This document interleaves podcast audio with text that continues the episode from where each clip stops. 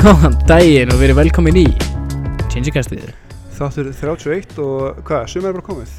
Já, það verðist vera, það er búið að vera Nei, ég skal jinxa það, sumar er ekki Nei, komið, það kemur sko, við fimbul skulum- vetur þar ykkur og að Við skulum ekki jinxa þetta algjörlega en það er búið að vera Já, í dag alveg sko störla veður Í dag er mánudagurinn áður en að þetta kemur út Og veðrið í dag var bara sumarveður Já, þú veist, ég einmitt eh, labbaði út bara í morgun, ég var bara okkur, þetta er ekki eðlilegt en ég líka ekki kvarta Nei, Ég fatta bara hversu mikið ég var ekki heima að vera búið í Íslandi þegar ég upplöði svona um dag Einmitt Einmitt um, Þetta er búið að vera sársökafull vika hjá mér síðan senast að það síðan senast þáttur Þetta er kom bara líkamlega og andlega held ég Já, já, virkilega aðalega líkamlega samt, ég er alveg ónýtur í bakinu held ég ég, ég er ekkert búinn að geta mætt í vinnuna og ég er að fara til læknis í annað skipti á í viku uh, já, í annað skipti á viku og morgun uh, þú veist, þetta er bara ég er bara búinn að vera stúpid Ég veit og, og, og þú veist það kom loksins svona tímapunktur þar sem að líka minn sagði bara, heyrðu, stopp, hættu gerði eitthvað í þessu Já, það er allan að gott að heyra þess að það gera eitthvað í þessu Já, komin tími til Ég vil meina það Það var svo náttúrulega, þú veist, fótballtalið og hver er að skýti upp á bak En það er, það er, Það er enda því mér ekki nýtt, þannig að nei, þannig að það er Það bætir hún að sálsökan, en það er aðalega andlega um, Já, þetta er ekki búið að vera skemmtilegasta vika í heimi To be honest En bara já, það er svo magnað hvað gott viður er bara mikið antidepressant einhvern veginn Já, ég reyndar fann það sko í dag Þú veist, ég fór í göngutúr með hundana Og, og hérna Og var hérna eins úti í garði og, og það svona lifti mér alveg vel upp Og svo og fór ég í klippingu og það er bara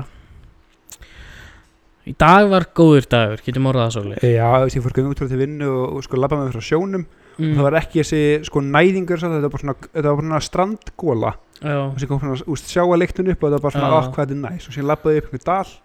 og þá var það logn þar og sem var, úst, var einhver vinn í garðinu og það var svona timbur, svona skóaleiktin þetta var bara Ah. svona lapp í útlunum og svona, ah, hvað þetta er Fucking geggið af nice. hverju fokkan er býið þetta allt árið Já, Ah, true, true Fældi ég að myndi búa á Spáni, skilur þá væri þetta bara Ekki hægt. normið Skilur, þetta væri bara normið yep. Yes sir En hérna Við vonum að þið hafi öll uh, farið vel yfir listan sem hafi postuðum á Instagram yfir, yfir plötur vikunar Já, það er allavega nóg content til að lusta á Jesus Já Já, það er full vinna að vera aðdámandi Gingikastins en talað um content, fylgðu þið móskanum Nei, ég gerði það Ég horfði ekki á það merknum lokk ekki heldur nefnilega Ég, vi- ég sko bara stenglimti að þetta væri yep. ég, ég held það yrði bara ekki þetta er bara Nei, svona þú veist, rafræn Þetta er yfirleitt Yfirleitt í februar eða ekki jú, ég held það, þetta er aldrei svona seint heldur sko. Þetta er Ég alltaf- held ekki Og ég bara einhvern veginn Þetta fór alveg fram hjá mér En Anthony Hopkins okkar maður Fokk hann er góður Vann Óskarsvælun En ég ætla að vera alveg reynskilin Eins mikið og ég elska bíómyndir Þá hef ég ekki Ég hafði ekki séð eina mynd held ég Sem hafa tilnæmt sem Kvikmynd ársins Ég sko, ég fór nógu lítið í bíó áður en COVID skall á, hann Ah, að hvað þá true. núna að og Hvað er sem, samt mynd í bíó núna sem mér langar rosa að sjá hvað myndi það? Mortal Kombat Ó, jésús Geir, bara fyrsta myndin hana, 95 myndin er bara svo, var svo stór partur á barnæskunni minni ég held ég að við hort á hana svona 20 sinnum Var svona, var svona vissum að þetta var að vera kardikall þegar sem að sjá það nei, nei, alls ekki sko þetta var bara, þetta var bara uh, svona eins mikið ofbeldi og, og ég gat séð á þeim tíma og það- mér finnst það rosa gaman og, og hérna nú er verið að endurgera hana bönnuna 16 Ok, ég fíla það og sem er náttúrulega inline við leikina Leik- sko. jep. og hérna þannig að ég hlakka mjög mikið til að sjá hana um, og hún er heimsfrumsýnd eða heimsfrumsýnd, hún er alltaf búin að vera frumsýnd úti en það, hún er frumsýnd hérna heima á fimmtudaginn það er bara spurning hvort að ég geti sett baki í- Þú á stendur mér í aftast. gegnum að, hvort ég geti sett baki á mér í gegnum það að sitja í bíósal í, í Þetta er það standing þrjá desk í bíó. klukkutíma. Já. já, En sko, einn sem pyrir með ósafélunni bara er hvað myndir þess að tilnæðar er oft ógæslega leiðilegar Já, sko, Eða sko, það er, þetta er ekki myndir sem er svona að löðast kvöld, skulum poppa og horfa á Nomadland eða eitthvað Það er, Nei, þú veist, það er eitthvað alveg rétt sko, þú þarft að vera, þú Ákveðnum þarft alveg að gír. vera í alveg ákveðnum gýr, já. En það kom mér rosa óvart sko að ég svona kannaðist ekki einu sinni við neitt af þessum myndum. eina sem, ég bara sé á annars trailerin fyrir því Já. áskurs og það var eina sem ég hef heyrt þess myndu sko. Já, ég Flaug alveg misti undan meiri völlum. sig af því sko. Já, Þannig að, en sko, ég hef yfirleitt verið alveg með pötan á púlsinum varðandi þetta og það var alveg mörg ári rauð sem ég horfði alltaf á þetta og, og, og var alveg með mynd sem að ég vildi að myndi vinna og bla bla bla. Það er alltaf, alltaf venjulega verið svona eina eða tvær svona token, action slash meira svona appeal Já, en svo, Master he, Chief. svo bara ef við erum alveg hreinskilin skilur Mad Max og síðastliði Black Panther ár og svona. hefur bara ekkert verið rosa gott fyrir kvíkmyndir mm, svo þetta skiljanlega er því að það er svo mikið af stórum bíómyndum þú veist, frá stór eins og eins og hérna þú veist, James Bond myndin og fleira og ég hefast um að þessi James Bond mynd verða eitthvað frábær Ég er mjög spennt að sjá hana. en hérna þú veist, það er búið að vera að pussja því út af COVID skilur það þarf að vera Já. ógeðslega mikið af fólki sem getur farið í bíó til þess að gera þetta þess virði út af því að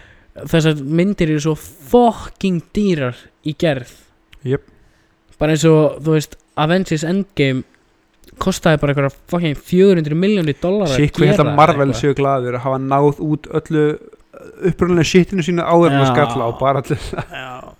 nú, Nú, nú getur það bænka á Disney Plus og svona, Nú sko. eru þið með Disney Plus og það er víst að ganga alveg Já, ég þvílíkt hérna. byrjaði vel að með það Falcon and the Winter Soldier það, sko. Allt ekki slemur, virka mjög Já, skemmtileg Ah, ég hef ekki, ég hef ekki lagt í það ennþá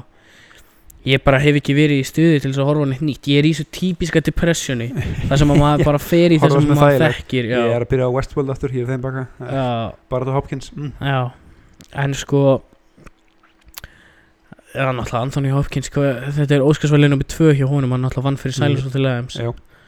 um, og var eitthvað tilnæmdur oftar eða ekki Jú, öruglega En Francis, Francis McDormand vann uh, leikon ársins og hún alltaf pródúseraði Nomadland þannig Já, að hún vann tvenni óskarsvælun í ár Gott á sem að gera það fjögur í heildina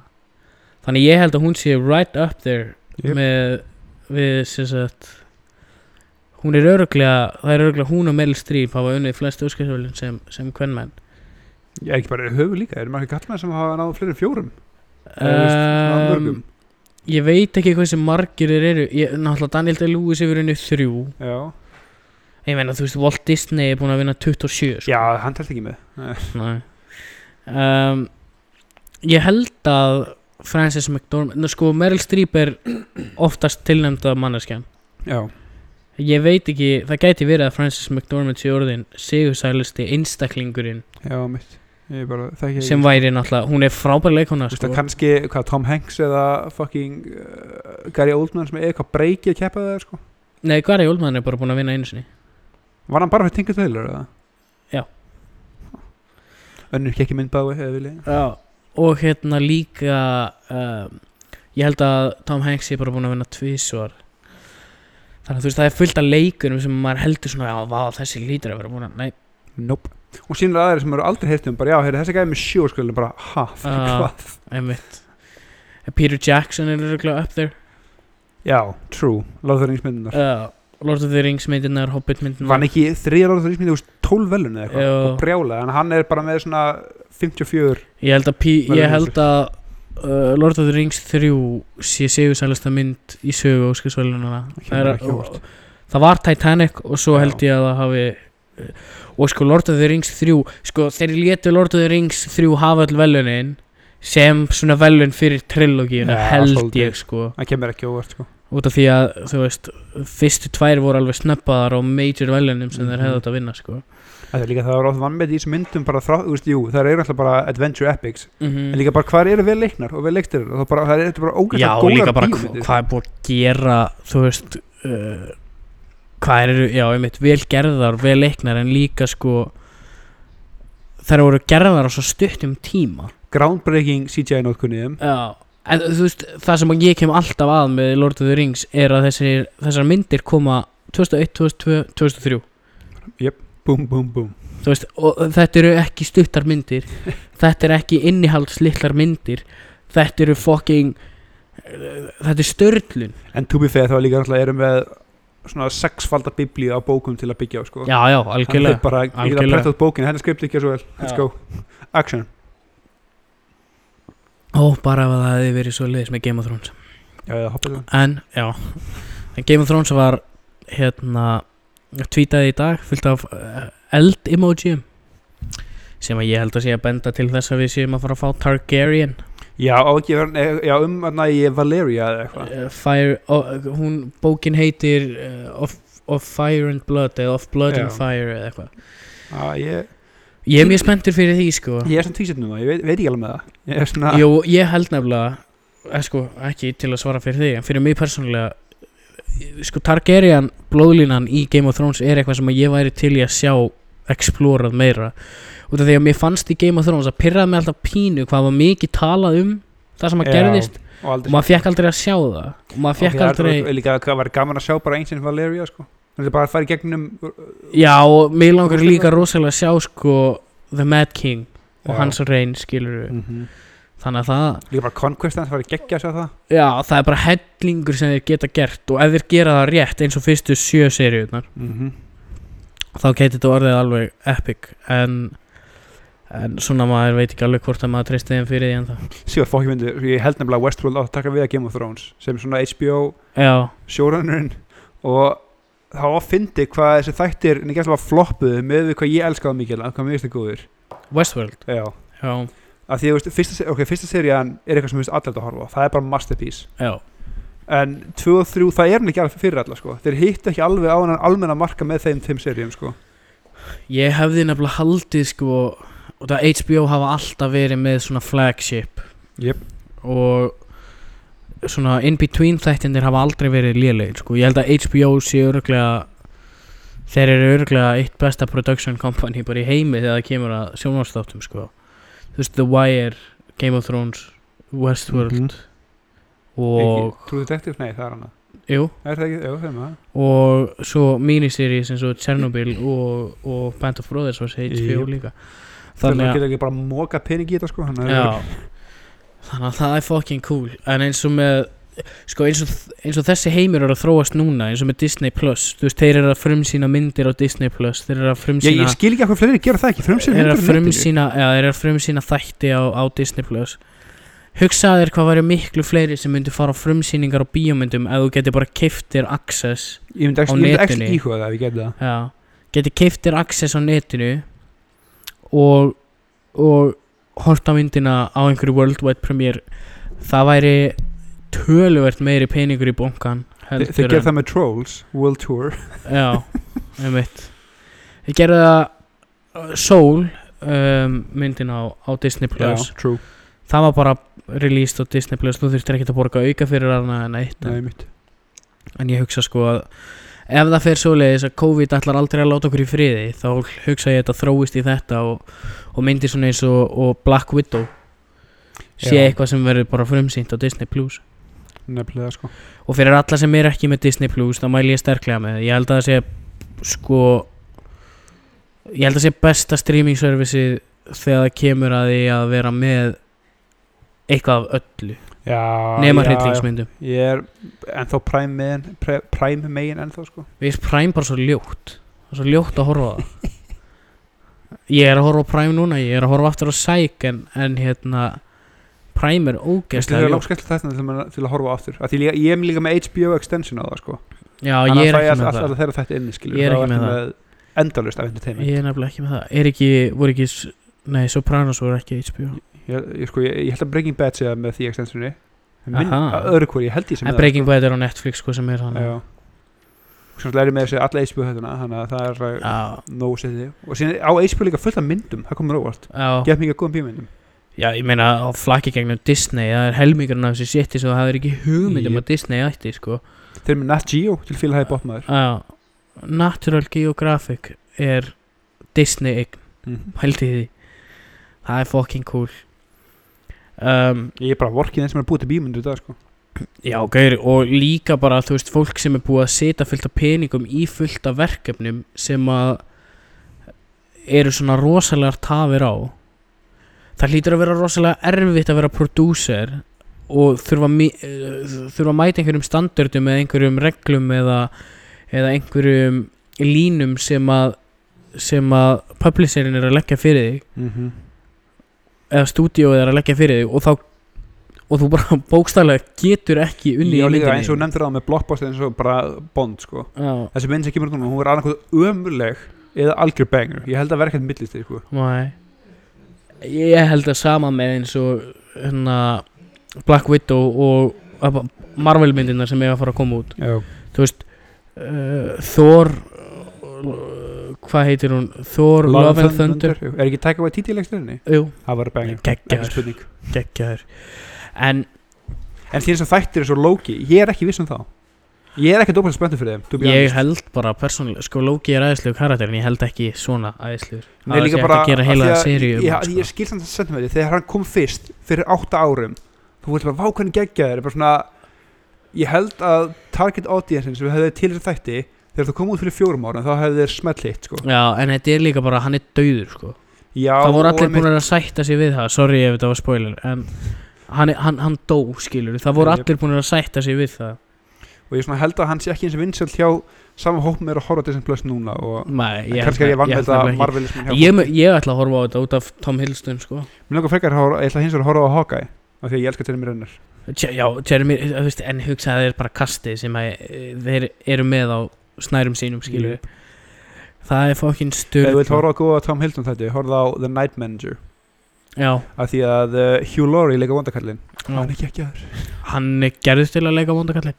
um, Það er annað uh, varandi Óskarinn sem ég langar að koma inn á og það er náttúrulega, þú veist, þetta er running theme hjá Óskarsvælunum eða hjá Óskarnum, Akademíunni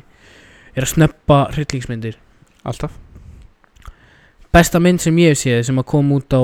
almanaksárinu 2020 þangat en þú veist innan sem sagt um, nomination period since var hryllingsmynd hún heitir The Invisible Man og ég mæli sterklega með að uh, að þið sjáu hana þeir sem eru að hlusta um, þetta er remake af sko 1932 mynd sem að var svona partur af Universal Monsters þú veist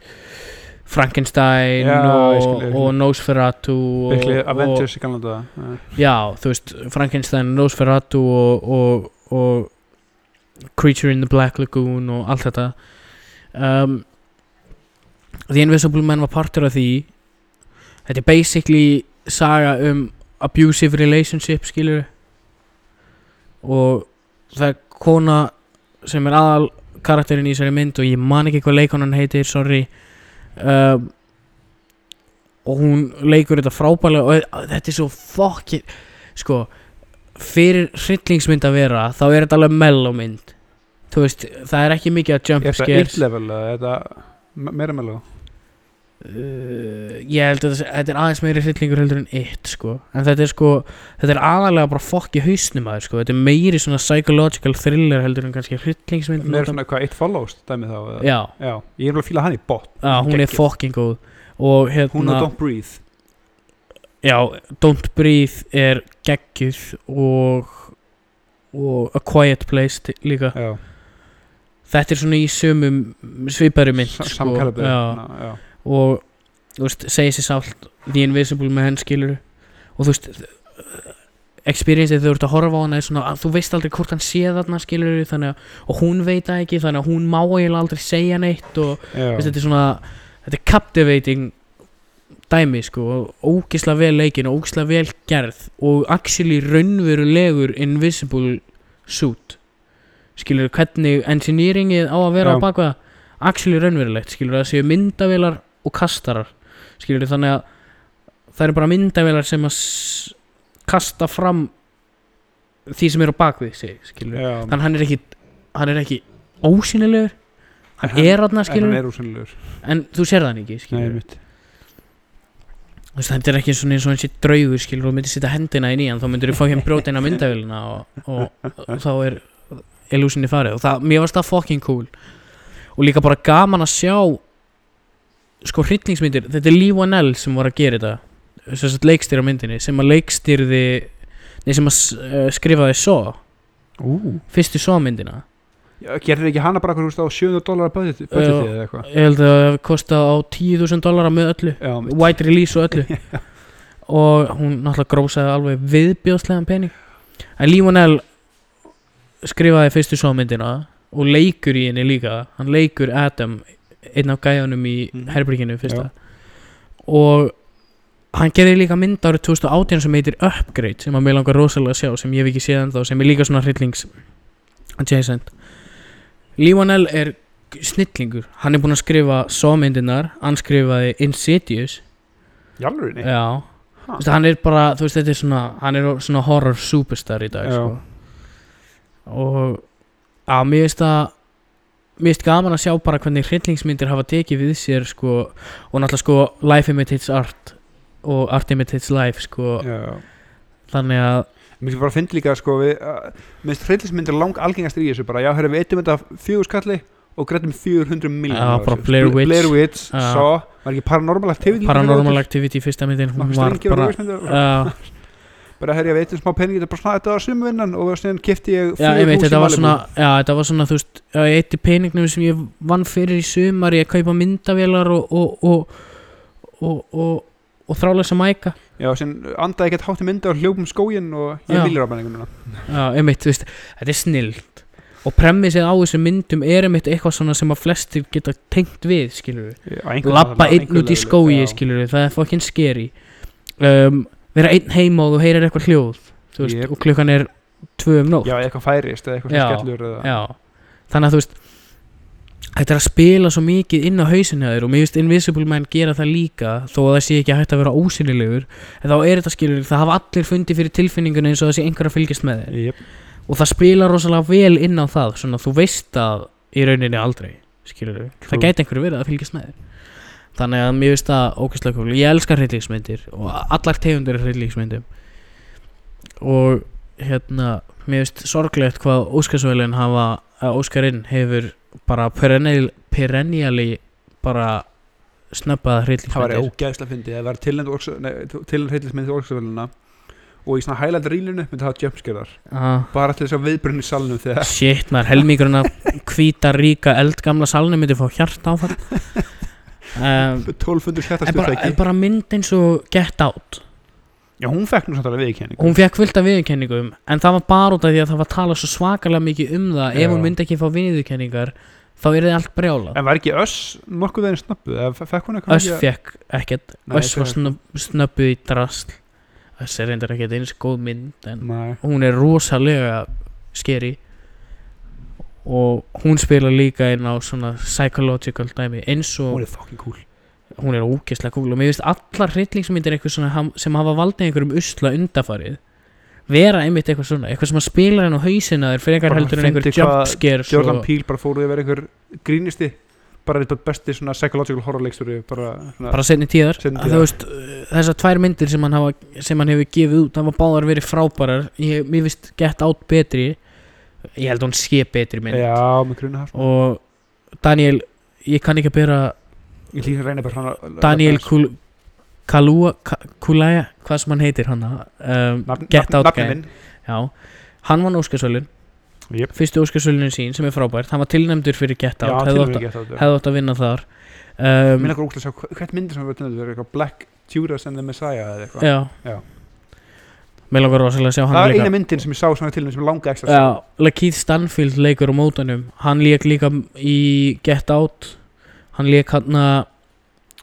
Æ, gæjan með gæjan með hattinn Já, já, já, já, já. Og hérna, Ó, hann er fokkin góð leikur. hann er æðislu leikari Hann leik líka í Knives Out Já, með mitt. um, og Lakeith Stanfield er víst alveg bara æðislu karakter að vera í kringum þú veist, Það og hann kemur er svona, svona, ekki það vart, sko. hann er svona þvílíki þvílíki meistarinn Það er sko. líka svo myndir eins og Hopkins leiki í Father. Mér Já. langar bara ekki að sjá hana. Hún virkar Nei, ógeðslega gaur, þetta er eins og- depressing. þetta er eins og- þetta er eins og marriage story Þetta er bara svona, já, við erum öll að- mjög líklega að ganga- ganga ganga- ganga gegnum þetta á einhver tímapunkti. Mér langar ekki að... já og líka sko það sem að pyrra mig svolítið mi- mikið við þessar myndir sem eru tilnæmdar og þú veist ég hef alveg tekið svona periodur þar sem að ég vil horfa á eitthvað svona artsy-fartsy, þú veist, akademíu rung eins og Marriage Story í fyrra með Adam Driver og Scarlett Johansson frábær bíómynd en ekki skemmtileg bíómynd Nei, það, þess að það fíla ég alltaf, það hafa alltaf verið svona nokkra, það var Get Out og síðan var einmitt Black Bara- Panther. eins og 2015 þegar að Mad Max Fury Road Já, var ég ætla að til segja Mad Max skilur. nefnilega og síðan líka þarna ég, fokk, ég maður glemur hvað hann heit. Það var um, einhver sem var ekki fyrir mjög lungu síðan. uh, þ- ég meina Star Wars hann að sjö var tilnæmt Mér sem var reynda alveg magna. Geir, ertu búin að sjá nýja mím hérna mím, hvað heitir það? Um, það er svona ný, ný leið til að búa til mím þannig að þú teiknar svona stikur undir bara eitthvað svona oh my god this is awesome og svo þú veist breytist það Já, eitthvað. tí, tímalýran. Já. Já. já, já. ég sá okkur gera það með Star Wars hérna 7, 8 og 9 og það var sem sagt bara wow, þetta er, frá, þetta er skemmtileg framhald við fyrstu myndina, nummer 7 og svona wow, ok, þeir eru alveg að standa sig geðan tveil með nummer 8 og svona með nummer 9 þetta gæti verið versta bíómynd sem ég séð á ævi minni Ég slóði að gert með þarna Robots myndina, tekjumyndina. já Man- shit Það var eitthvað maður. með svona geða djúft. En ég man bara einhvern veginn, þá reyndi ég að horfa á The Two Popes já, með Hopkins og Gans leikur High Sparrow í Game of Thrones. já, Náttúrulega báðir styrta leikar, bara leiku kring hvort annan. já, Og einmitt, hún, bara, hún, fyrst, hún er svo fucking löng. já. Hún er skiljaði út þrý tímar eða fjóru tímar. En hún er styrta, hún er bara svo ógeðslega þung. Já, Það stund, er svo erfitt að hlusta á, þú veist, þetta var ekkert að myndir, þetta var cool premise. já, dæla okkur geggja þetta var bara svona, ég get ekki sitt á löti í þrjá klukkutíma og hlusta á guðfræðilegar en stundum er, Umræðu. maður, stundum er maður líka sko einmitt í stuði fyrir þá og það er svona það er svona þegar maður er búin að eiga erfiðan dag kannski og það er lögadagur eða sunnudagur og þú nennir ekki að gera neitt og þú horfir á einhverja mynd skilur, þá er tilvalið að taka einhverja svona mynd en mér finnst líka sko sko myndin er svo boyhood frábært premiss mm -hmm. myndin er tekin upp á 12 árum skilur og allt það yep. snildar hugmynd, shit hvað ég nenni ekki að horfa á hann aftur Nei, það var eins og margar, Ég bara svona, já ok, ég sé trailerin, okkur er cool, okkur er örugglega vel leikið ég er aldrei að fara að horfa á þetta þetta er ekki séns Nei, ég horfði á Boyhood f- flott bíómynd, góð bíómynd vel leikin og allt það en þetta er bara svona, stundum er þetta style over substance og ég nenni þú veist, eins nema mikið nema og heitir ég, Edgar Wright þá nenni ég það ekki já, einmitt og ef ég nenni, þú veist ég elska, elska, elska bíómyndir ég elska leikstjórn, ég elska, þú veist leikara og framistöður og ég elska að rýna í það og gaggrina en ég nenni ekki að horfa á þryggja hálstíma mynd þar sem að setja tveir gæjar í sama herbergin og tala um ekki neitt í meira hlutana tímanum alltaf, það er svolítið erfitt hérna á milli þú veist Það er- stundum nenni ég því en stundum nenni ég því bara alls ekki og þetta er fullt af góðum bíómyndum sem að hafa svona atriði sem er ógislega þung en þú veist, það eru góðir leikstjórar finnst mér sem að ná að pikka það upp skilur og gera það betra og elevata það bara að gera það áhorfanlegt já og taka það svo taka svo myndina í burtu frá því setna já, Bridge of Eða Spies, fyrir. sorry, ég ætla að segja það já já, Að Bridge of Spies með honum Tom Hanks og Spielberg Mhm. það var önnur svona mynd sem var tilnæmt sem bara svona, já, hún var skemmt að horfa á hana, það gaf Já. henni einmitt og hún gerir Um, þetta mitt, hún tegur geða þungt dæalóg og bara gerir það actually, sorry, úst, samningaviðræður um gí, gíslingar í austur Berlín hljóma ekkert rosalega skemmt dæalóg en hann gerir þetta svo cool skilur við, það já, er, já, og það er bara mark á góðum leikstjóra þetta er bara eins og með hérna, eins og með uh, Quentin Tarantino byrjunin á Inglourious Bastards já, ég er bara líka það hateful eight já, allt, öll myndin já, og bara og, svona, hva- ég nenni ekki að horfa í þrjálan tíma og sem setur bara kæfti við þetta allan tíma bara fuck, hvað er að gerast, Já. og what, hvað gerist næst já,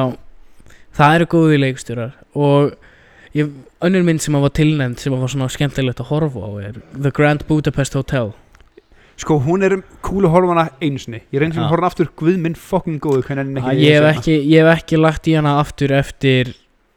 ég sá hana þegar hún kom út hver, 2014 ég hef ekki séð hana síðan 2014 en ég man bara, mér fannst hún æðislega skemmtileg þá og náttúrulega Edward Norton er í henni þannig mm -hmm. En það, það, sko, ef við ætlum alveg að hitt spettum við, það var mynd sem ég reynda að horfa á um daginn sem ég gafst upp á og ég gefst ekki oft upp á myndum. nei, Það var masterpieceið Battleship já, já, með Liam, Liam Neeson, Rí Hönnu Brooklyn Jesus Decker, einn af Skarsgård-bræðrunum. Christ. að því að mamma bara fór inn í bíó bara hvað þetta er cool skilur eitthvað gimverur og sprengingar og skip mm Mhm. -hmm. horfði hann bara þetta er kortið bara fuck hvað þetta er lélind mynd Ha, ég ég hef alveg púlað þetta nokkru sinnum en stundum finnst mér myndunar það lélegar eins og Mortal Kombat 95 The Hungover Games The Hangover Games og maður er bara geðvægt intrigued og maður er langar að klára það og með Mortal Kombat þá er það meira nostalgía heldur en eitthvað annað sko mm -hmm. en já, ok, Óskarsvelunin eru svo mikið sjæm, þetta er eins og með Grammy-velunin þú veist, þetta er þetta er vinsaldakeppni og keppni á milli skilur einhverja mynda sem að var leikið inn á golf hjá fólkinu hjá akademíunni Mhm. og þau sneru sér í tíu ringi og bentu á tvær á kæft skilur, þú veist, þetta er svo þú veist, ef við erum að tala um bara alvörunni kvikmyndagerð og góðar bíómyndir skilur, það er rosalega erfitt allavega fyrir mig sem aðdáanda til dæmis að líta fram hjá mynd eins og The Invisible Man sem að er ekki bara með ógeðslega góðan leik heldur sko special effects og allt í þessu er bara styrla ég hef líka Trolls World Tour bara fá tilningu fuck it Já Sól, sól vann Óskarsvöldinu það ekki ég held að hann fyrir bestu þig já. teikmyndina já ég held Og- ekki bara Pixar skilur sem er bara með já, ég meina Default Pixar, lockout. já, já, Pixar er bara með chokehold á, á, á þeim velum En mér finnst bara svo Mér finnst bara svo styrla að pæla í því skilur hversu margar góðar bíómyndir hafa komið út í gegnum tíðina sem hafa bara verið gjörsamlega overlooked að Þú sjálfsögðu, veist, að passa American þessu. History X fekk ekki eina tilnefningu það er nema, reyndar alveg magna nema besti leikari að hlutverki Edward Norton mm Mhm. -hmm. og hann vann ekki einu sinni skilur þú veist þetta er og þú veist ég veit að það er rosalega erfitt þegar, þegar að myndir fullt af góðum myndum kom út á sama árinu en þú veist Jurassic Park og uh, Schindler's List kom út á sama ári skilur það er ég er líka með, ó- með sama leikstjóra by the way að sko ég er umlega, mér leið svona með ég veit þetta kannski ekki vinsal sko en mér, mér leið þannig pínu með Southpaw ekki að myndi sjálf eitthvað frábær en bara hvernig Jake Gyllenhaal leik þetta já, að mér finnst hann, að því að ég held að Krít hafi fengið tilnefningu sko já, og ekki Southpaw, mér finnst það fáranlegt að því Já. að báði, jú, sé að premissin er einfaldur þetta er bara s- tíus boxmynd mhm en bara Jake Gyllenhaal og Forrest Whitaker í þessari mynd voru sturdlaðir Já, þeir voru það En mm, sko, Creed átti skilið tilnæmningu En Michael B. Jordan átti skilið tilnæmningu um, En svo líka bara Ég man ég fór á Southpaw í bíó Mér fannst hún ekki eins frábúru þér finnst hún Mér fannst, Nei. þú veist, mér finnst það góð mynd En, en hérna Já, eins og þú segir, þetta er bara boksaramynd skilur um, En Jake Gyllenhaal átti definitely skilið að, að fá tilnefningu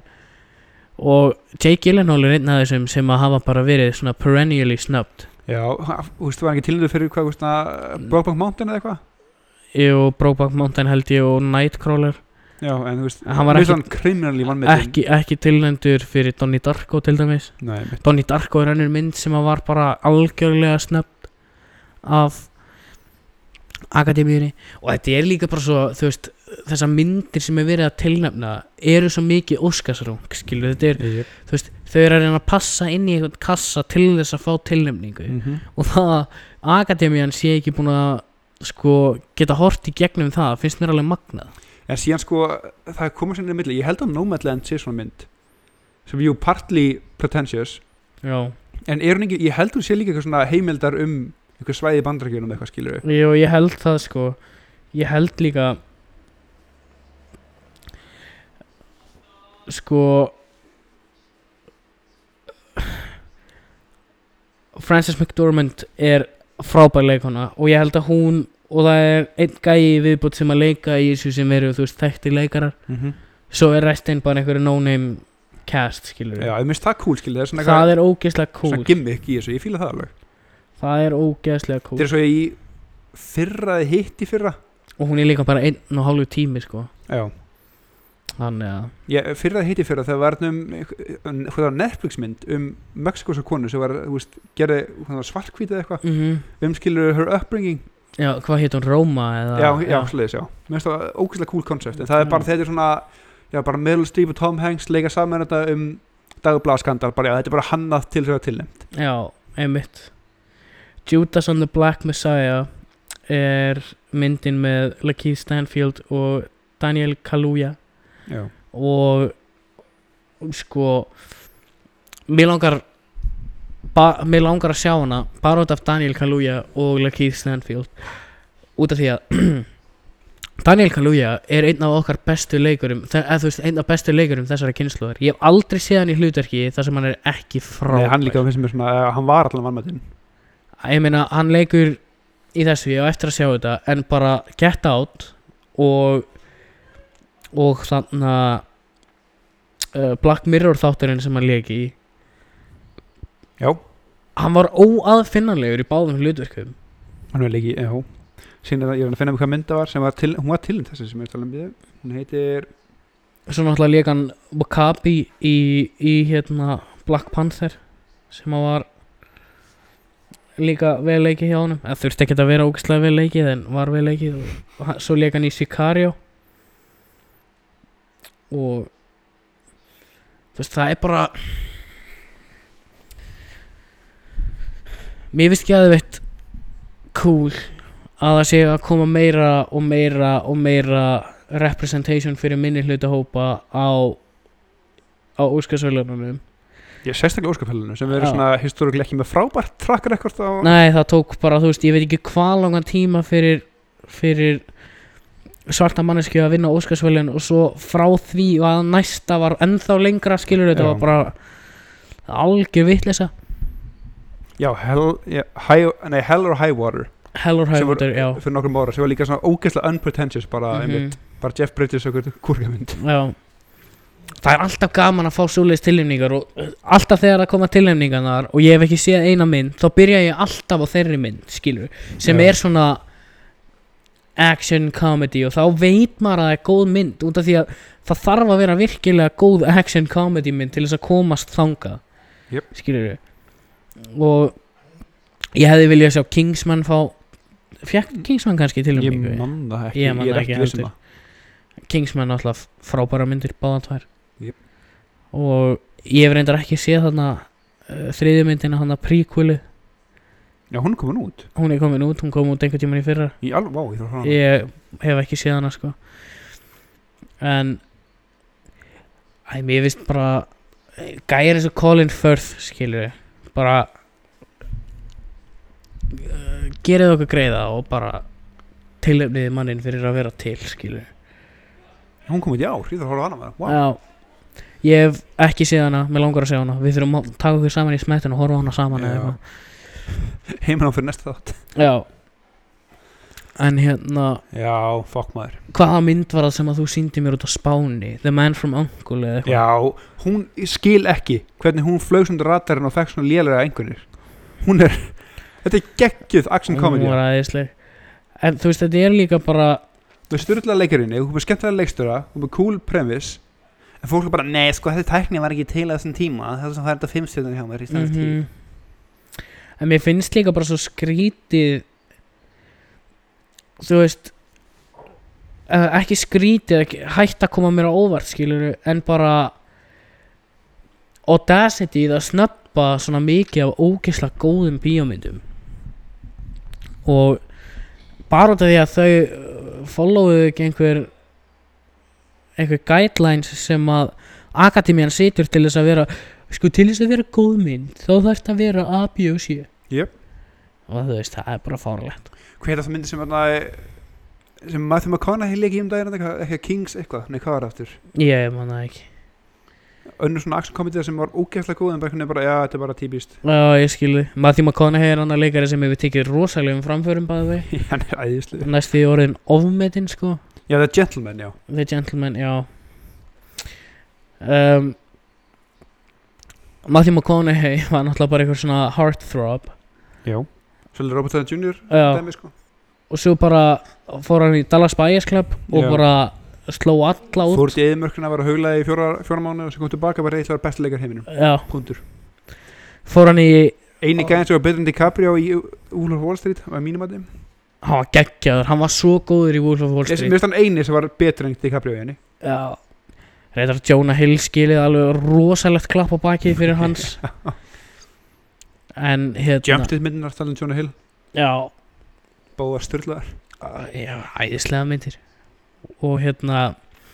nei en hann, Matthew McConaughey uh, bara tók sig einhvern veginn saman í andlindinu og tók Dallas Buyers Club og var frábær í henni hann og Jared Leto báðir alveg styrlaðir svo tekur hann að skrefinu lengra finnst mér sko í Interstellar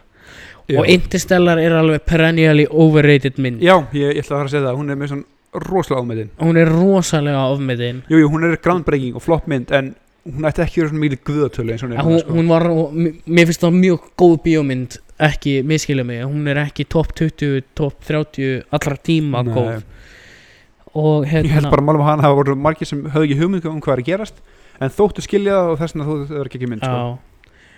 en Matthew McConaughey, bara hans framistæða í þeirri mynd var alveg frábær alveg sko styrlu Mhm. En Já, ég held minn maður líka Jeffrey bara- Wright leikur í henni ha, sem minn maður Jeffrey Wright úr Westworld leikur í henni. já Mér veist líka bara út af því að þetta er Krist, Kristoffer Nolan mynd þá varð hún svolítið Já, hann fær svolítið mikið hæp eins og ég held loksins að Tenet hafi pínu sleið út hæpið Já. Jafn,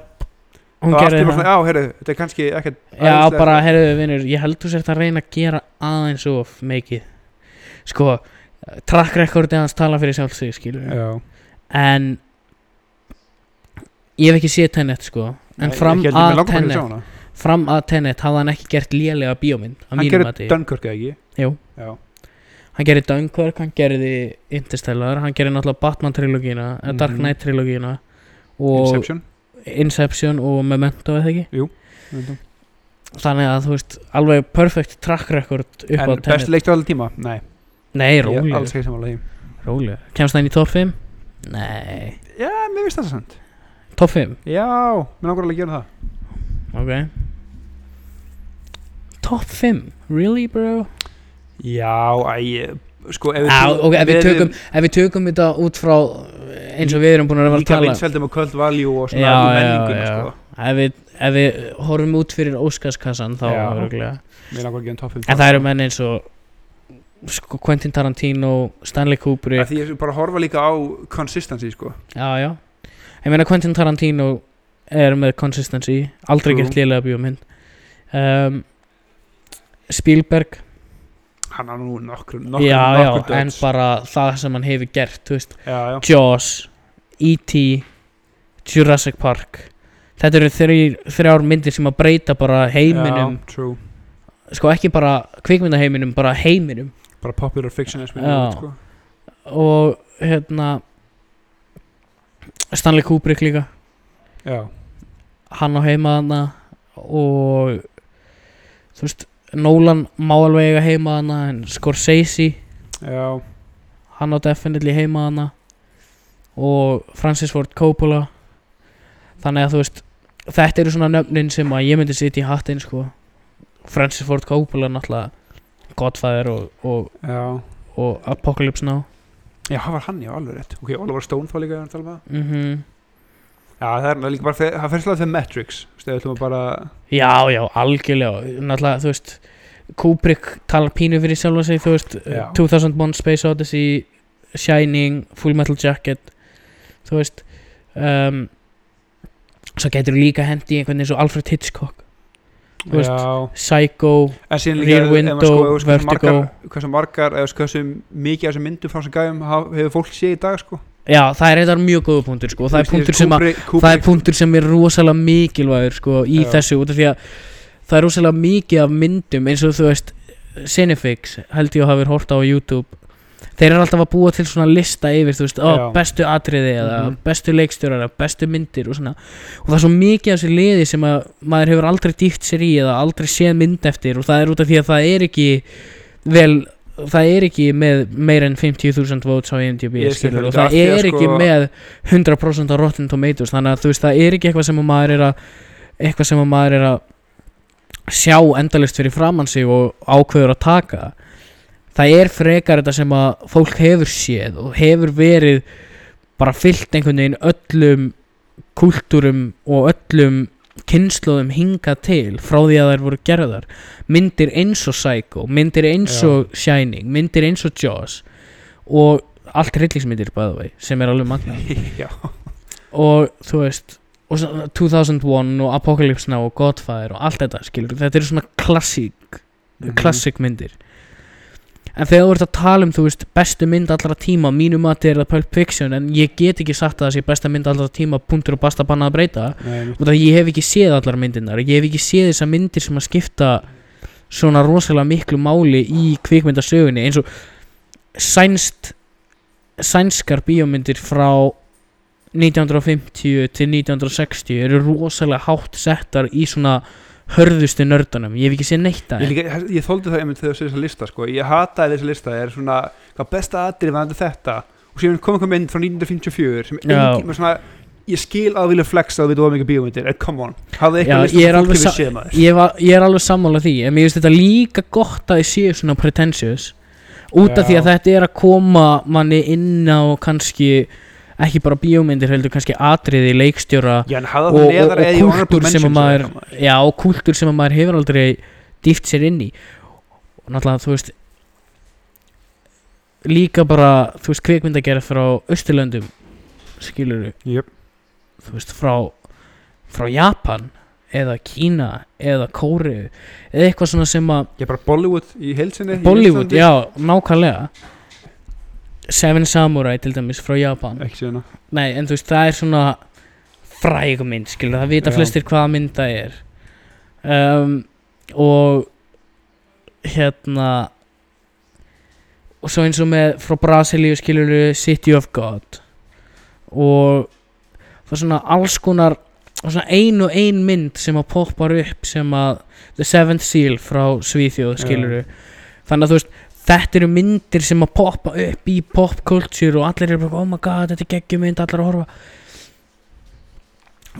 ég held að sko leikstjóra stillin á milli landa sérstaklega á þessum tíma hafi verið það mismunandi og, og bara uh, hugafarið og kultúrin í löndunum sjálfur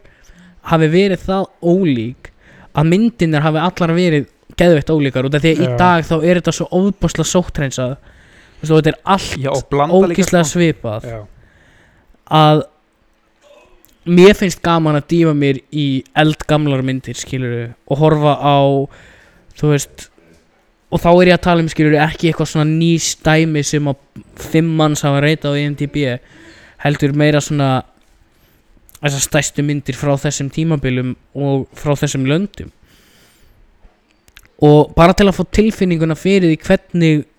þetta var allt saman áður en að Hollywood varð bara eini staðurinn í heiminum sem að gætt gert bíómyndir skilur og eins mikið og það er eins mikið og það er gaman að sjá þú veist alla þessar leikstjóra, þeir eru allir í spotlightinu þeir eru alltaf að gera myndir á þryggjara fresti skilur þá finnst mér líka gaman að sjá þú veist, Alfred Hitchcock gaf út eina mynd á ári í 50 ári eða eitthvað, þú já. veist og það var Bara bara, þú svona veist, hefi hittir já Voljum hittir kannski Já, þannig að þú veist Það er styrlað í sjálfu sér En þetta er- Þess vegna elska ég líka alltaf What's Mojo Á svona ákveðin tímpúti Þeir voru svo yndislega unpretentious Já, já, já, Bara já. besta mynd af þessu Iron Man Bara svona, já, já. nákvæmlega Besta mynd allra tíma, Shawshank Redemption Já, bara ja, flott Ok. okay. geggjart ég Þeir lási bara E IMDb top 10 listan bókslega þetta er bara um, Og þú veist Ég ætla að fá að segja ég, Ekki neitt af myndunum sem eru á top 20, 30, 40 50 á E IMDb Eru lélega myndir Þetta er allt góða myndir út af því að þegar það er svona mikið af fólki sem er búið að segja þetta er góð mynd, þetta er góð mynd, þetta er góð mynd þú getur meira og minna treyst í sko já, en oftast, langa oftast langa oftast en mér finnst rosalega ofta sem á rosalega stórar myndir verða svona of- of- verða fyrir svona hæpi skilur eins og Joker ég, ég er alls, eða, þú veist, jú, fín mynd en Joker er, mér finnst það frábær mynd ég elska hana ein besta framistæða hjá leikara sem ég hef séð á æfum minni frá Joaquin Phoenix og hann á öruglega sko tvö af top 5 sem ég hef séð já, um, en að mér, mér fannst hún frábær og þú veist, ég keipti mig ekki inn í hæpið, þú veist, ég horfði ekki á neina trailera Ég bara, ég hæpið drapan svolítið fyrir mér sko ekki mér nefnilega, út af því að ég var eiginlega ekkert inn í þessu hæpi ég bara vissi að það væri Joker mynd að koma út ég vissi að Joaquin Phoenix var að leika og svo fór ég í bíó, sá hana og var bara blown away, Fannst það bara- störnlu Af mynd því að allir hljóðum bara, já, hver, þetta er bara, þetta er með byrjað fokkin lífiðin Það er bara geggja, þetta er bara tvist í henni fokkin styrla Þetta er bara besta mynd sem ég sé sem var svona, ne þetta er einn besta mynd sem ég sé, persónulega sko, en, en bara mjög langt frá ég hef því. reyndar ekki séð hana síðan að ég fór á hann í bíó og, og þú veist, þetta var það öðruvísi en ég held hún myndi vera já. að það gæti hafa soldið skjúa hvernig mér fannst hún Mhm. þannig ég þarf að horfa á hann aftur en Eh, frábær mynd, en það er dæmi um mynd sem að varð fyrir rosalegu hæpi sérstaklega á netinu og E IMDb og Rotten Tomatoes það sem hún var að fá bara styrlaður einhvernir og styrluður review sko áður en hún kom út Já, hún kom með 10 MDB bara ára Já. komið svona Ekki, sko, ég, ég- mér finnst þannig það, jú, al- ég er ekki að segja hann sér lélega, sko, þínu sagt alveg skilja velunin, en, úst, þessi lýsir spesir mér, mér langar ekkert að sjá númur 2 að það kemur. Ég var ekkert að Ég gleyma að sjá vona hana. að þeir gera ekki nummið tvö út af Nei. því að það myndi ekki meika neitt sens Önnur svona mynd sem hæpið eðla næsti fyrir mér, að Deadpool. mm, Í kringum mig allan í námið, hæp Já, lestin var sko á ljósraða, það er reyndar alveg rétt hjá þér. þannig að ég þurf, úst, ég viljandi beigð eftir að hæpið dó, beigð þannig tvo mánuði og horfði síðan á hana. ég fór, það er ekki alveg á, geggjur, sko. ég fór ekki á Deadpool í bíó Ekki heldur. Ég sá hana tveimur árum setna Já. Þú veist, ég beigði alveg ógíslega lengi Mhm. En mér finnst alltaf að vera að býða. Fyrst hún alveg frábær Ég sem sko. er mjög skemmtileg en það er bara, það er aftur svona þegar það er rosalega mikið hæplæst, þá nennir maður einhvern veginn ekki að Nei, en mér finnst rosalega mikið af þessum Líka mikið af eldri myndum fá svona rosalegt hype train Og svo horfir á myndina og hún er bara uh, allt í lagi bara flott myndskilur, þetta er svona Já, Clockwork Orange er besta dæmið mynda fyrir mig svolítið, já. út af því að þú veist, hún er lögð fram sem þessi svakalega ofbeldisfulla, ógislega obscene mynd og svo er hún bara meh, skilur og þetta, hún er ógislega, þú veist, þetta er alveg gróft ofbeldi sem er verið að sína í myndinni en og það er Stanley Kubrick mynd og ég elska Mhm. Stanley Kubrick og, þú veist, mikið af því sem hann hefur gert en þetta var ekki að resonata með mig er að berja einhverja aumingiskonu í spað skiluru og taka hann úr fötunum sjokkvóli samt já, þegar það og, kom út og sko. taka hann úr fötunum og syngja synginginu reyn á Já. meðan þú veist, þetta er pínu svona gaur þú, veist, þú þurftir ekki að gera þetta svona og þú veist, svo finnst mér bara inn á milli atriðin þegar það er ekki ofbeldi eða þegar það, þú veist, er bara eitthvað dialog eða, eða eitthvað svona sem að relægir ekki á sjokkfaktor og sem Mhm. mm ekki á á einmitt ofbeldi eða eitthvað svona hræðilegt að þá þá er þessi mynd bara með það var bara svona, já, sjá hver er edgy og hver er já, edgy, skilur við. pínu sko hún En- kemur, reynda já. kemur hún sko 74 ég, seg, ég held samt fyrir þann, þann tíma þá var þetta alveg, what the fuck Já, en sko mynd sem að mun aldrei og sko komið rosalega óvart að hún hafi ekki uh, verið skemmt út af hæpinu voru gottfæðir myndinar já, fyrir mér þær eru ógisla langar þær eru langdregnar að vís, vissuleiti Mhm. en þær eru fucking capt captivating allan tíma Já. Það er ra- þú nennir alltaf að horfa á það náttúrulega. og náttúrulega það er náttúrulega uh, Francis Ford Coppola alveg frábær leikstjóri en ég held að sé aðalega leikarnir sem hann valdi já, það er hjá- það er allan að skaða hann ekki sko. Nei, ég meina Marlon Brando og Al Pacino þú veist, sérstaklega á þessum tíma Al Pacino var bara ósnertanlegur sko. Mhm. og síðan Og- alltaf De Niro líka De Niro í nummer 2 og, og þú veist og með fullt af supporting kasti sem að voru bara þvílíku hefi hittirannir Mhm. í Hollywood og einhvern veginn þú, þegar þú ert búin að sjá Godfather 1 finnst mér betri heldur en 2, aðeins betri og Já. það er út af Marlon Brando Já. og hans framistuð en eitt er svona þegar þú ert búin að sjá eitt í fyrsta skiptið þá ertu skilin eftir, í- eftir í bara svona móki bara wow út af því sko þessi mynd er búin að vera svo lengi bara á, hvað er besta mynd allra tíma? Godfather þú veist, Já. bara frá því hún kom út og þú veist, að lesa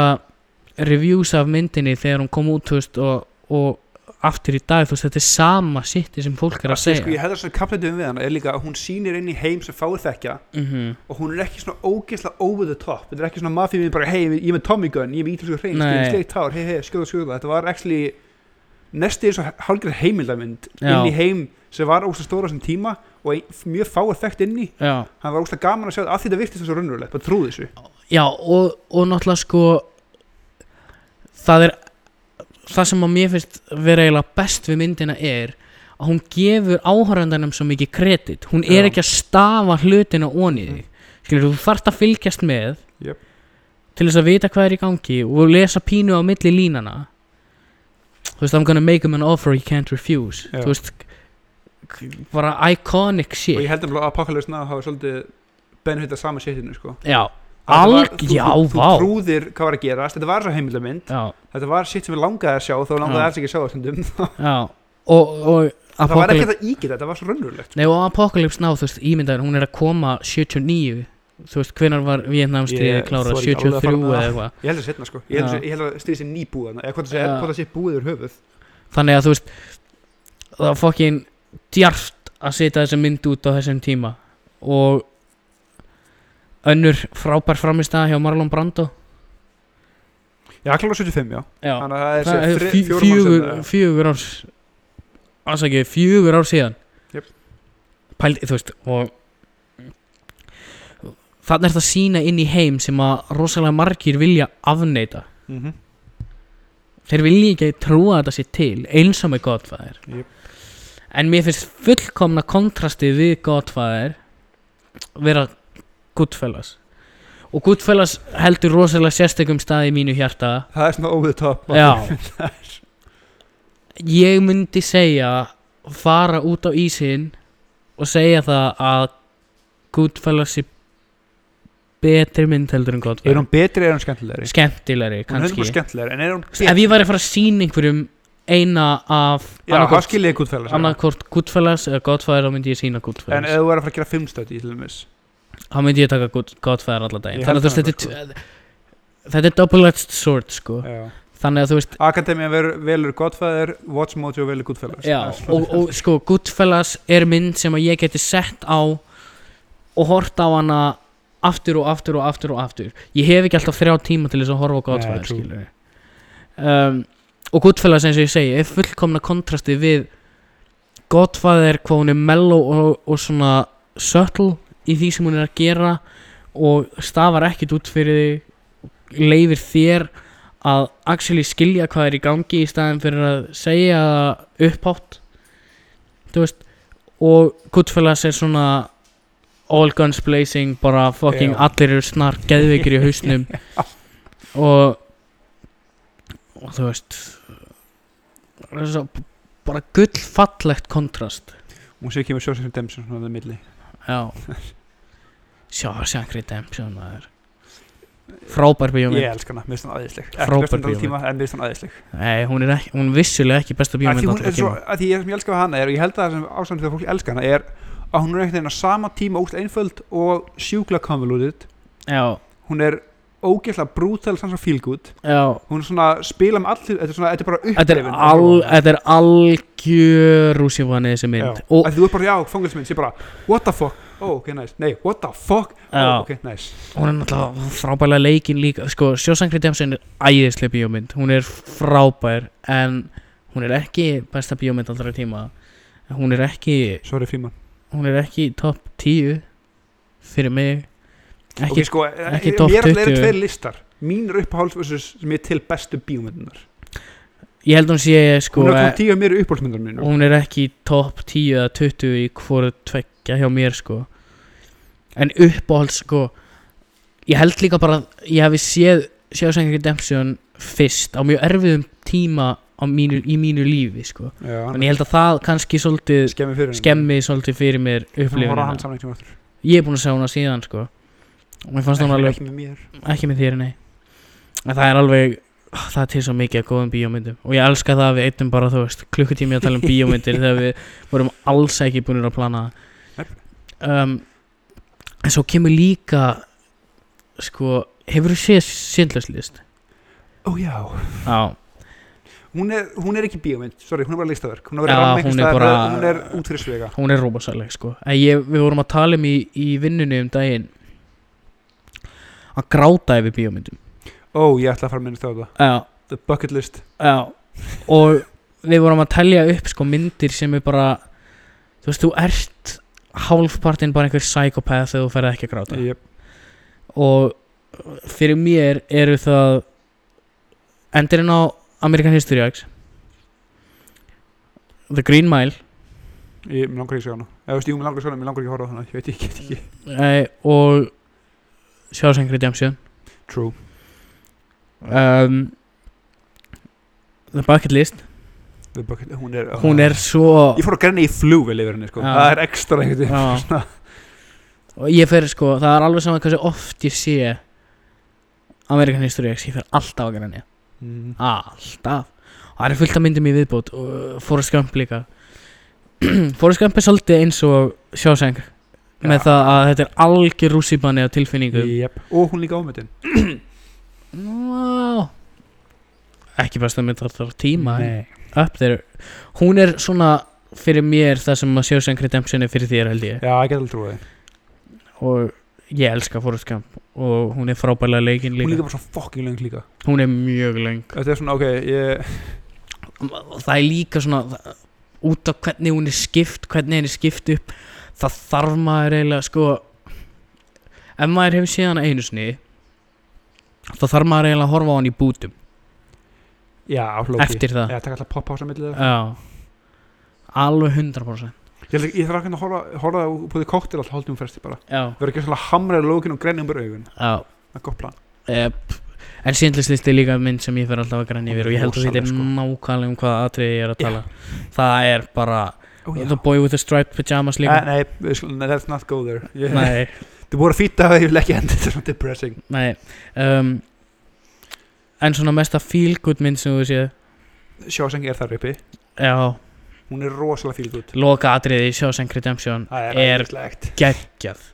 Það er bara svona, það bara kveikir í einhverju innan um Og sko, skrítið að segja þetta, en við fyrir vann þetta finnst mér low-key hérna fíl gutt vendi. Já,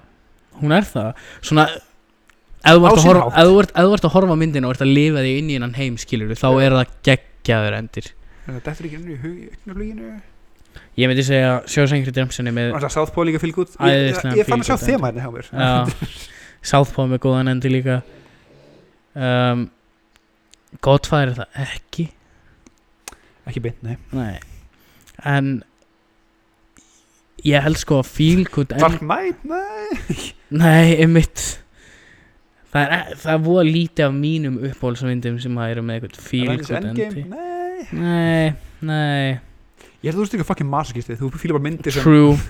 Þetta Ég- feel good illa endir eftir. Feel good endir per excellence er 12 Angry Men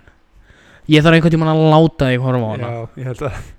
Hún er svo fucking góð og það er feel good endir út af því að maður situr og maður er pínu svona frustrated að horfa á myndina og það sem er í gangi sko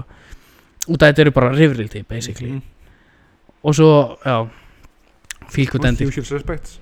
á sinn hátt Æ, ég- definitely, gauð Fyrsta skipti sem ég sá Usual Suspect sko, ég- ég- kjálki í gólf og allt það En shit hvað ég var líka bara ánaður með minn mann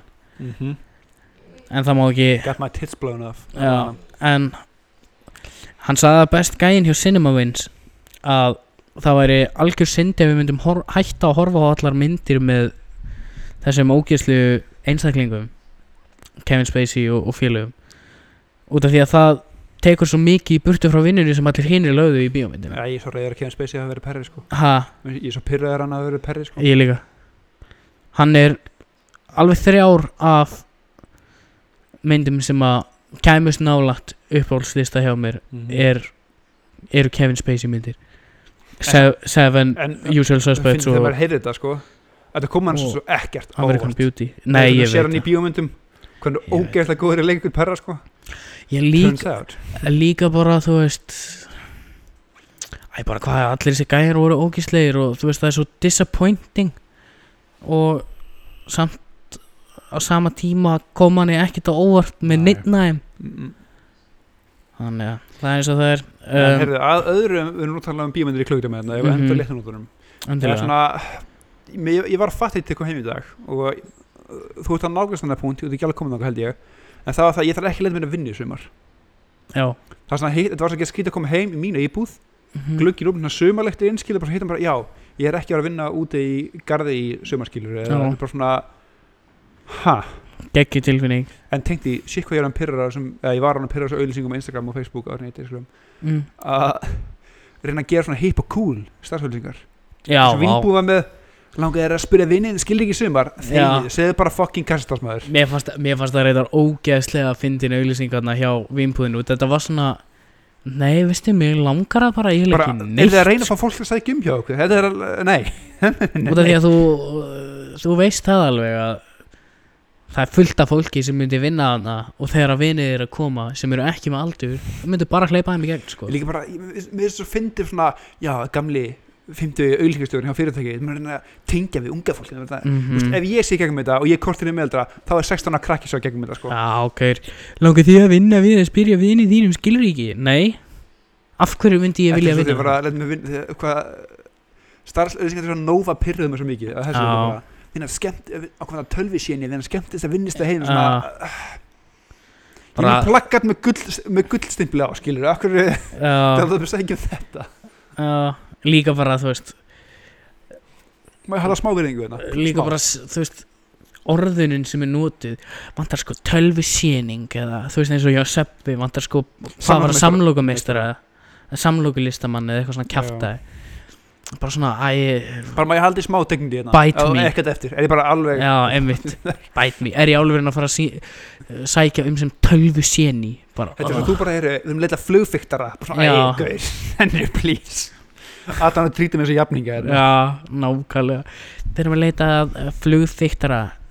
sem er Þetta er stóri bíbívélunar okkar í síðum Svona, gaur. bara, ah, nei en samt, jú Þetta er svona langar ekki en ég þarf að halda já, einmitt Swallow my pride, let's go Já Ertu með plötu vikunar? Ég er að finna hann einhvern veginn hérna. Þetta er símanum þínum Já Ég ætla að henni smá curveball Curvy Bolly plöðu sem ég maður hlusta alveg mikið á ég er hra- heyra- spenntur að heyra hvað þú, hvað þú segir um hana okay. Paper Trail með T.I. Ó Með T.I. Minn maður komin í the Southern Rap það var bara, ég veit ekki einhvern veginn datt henni þá plöðu allir Já Það er Það er frá þér um, Sko Það sorglegast að við að hvað mér er illt í bakinu er að ég hef eiginlega ekkert getað að spila á gítar Ná, um, Þannig að þú veist Ég væri það sem er að fokka bakinu er ekki vinna en jésus, þú var hókinu henni að bakinu hérna gítar þinn Nei, nei Ég væri hérna með, með einhverja svaka þungaroksplötu fyrir ykkur ef, ef ég væri með gítar í hausnum en ég ætla bara að segja ykkur að hlusta á Houses of the Holy með Led Zeppelin solid, Þannig að Paper Trails með T.I. og Houses of the Holy með þarf hann Led að horfa Zeppelin á bíómyndir eftir henni þátt Já, finna eitthvað góða mynd bíómynd uh, ársins frá þannig, Ég- mín bíómynd í alvörunni, please horfiði á The Invisible Man hún er svo ég fokki ætla góð bara, herru, Trolls World Tour það er mynd, mynd, mynd. Jésús minn, álmáttur Herru, já Þangað til Þangað til í næstu viku Cinematic Masterpiece Rólir Hún er það kannski, ég hef ekki séð það ekki,